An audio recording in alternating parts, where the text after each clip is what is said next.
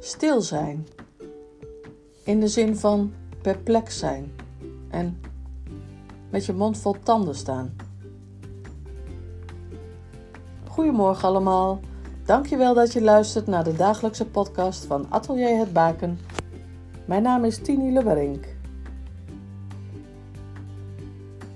Gisteren sprak ik over stil zijn en met name genieten van het stil zijn. Vandaag wil ik het hebben over stil zijn doordat je perplex bent.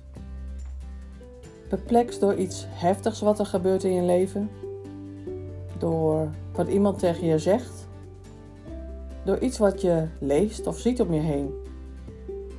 Stil zijn van schrik, van verbazing, stil van onzekerheid, van boosheid, stil zijn.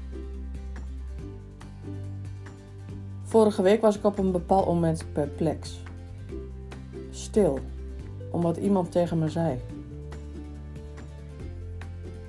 De manier was reden voor mijn stil zijn. Niet qua inhoud, want dat was correct.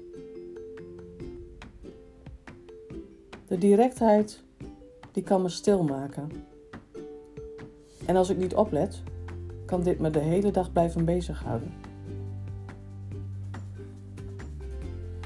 Alert zijn is hierin iets wat ik de laatste jaren heb geleerd. Waar gaat de aandacht naartoe? Naar hetgeen voor perplex zijn heeft gezorgd, het negatieve, of na het overdacht hebben, terug naar het positieve, namelijk de rust en ontspanning van stil zijn.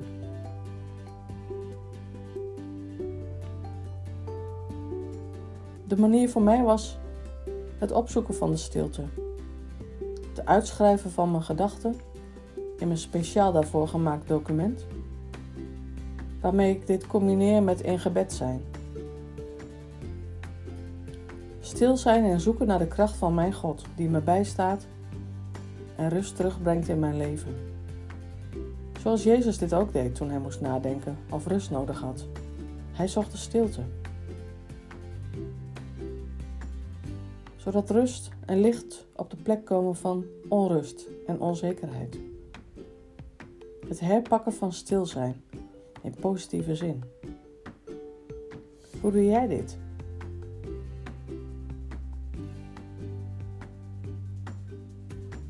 God zegen voor jou en je geliefde. Tot morgen.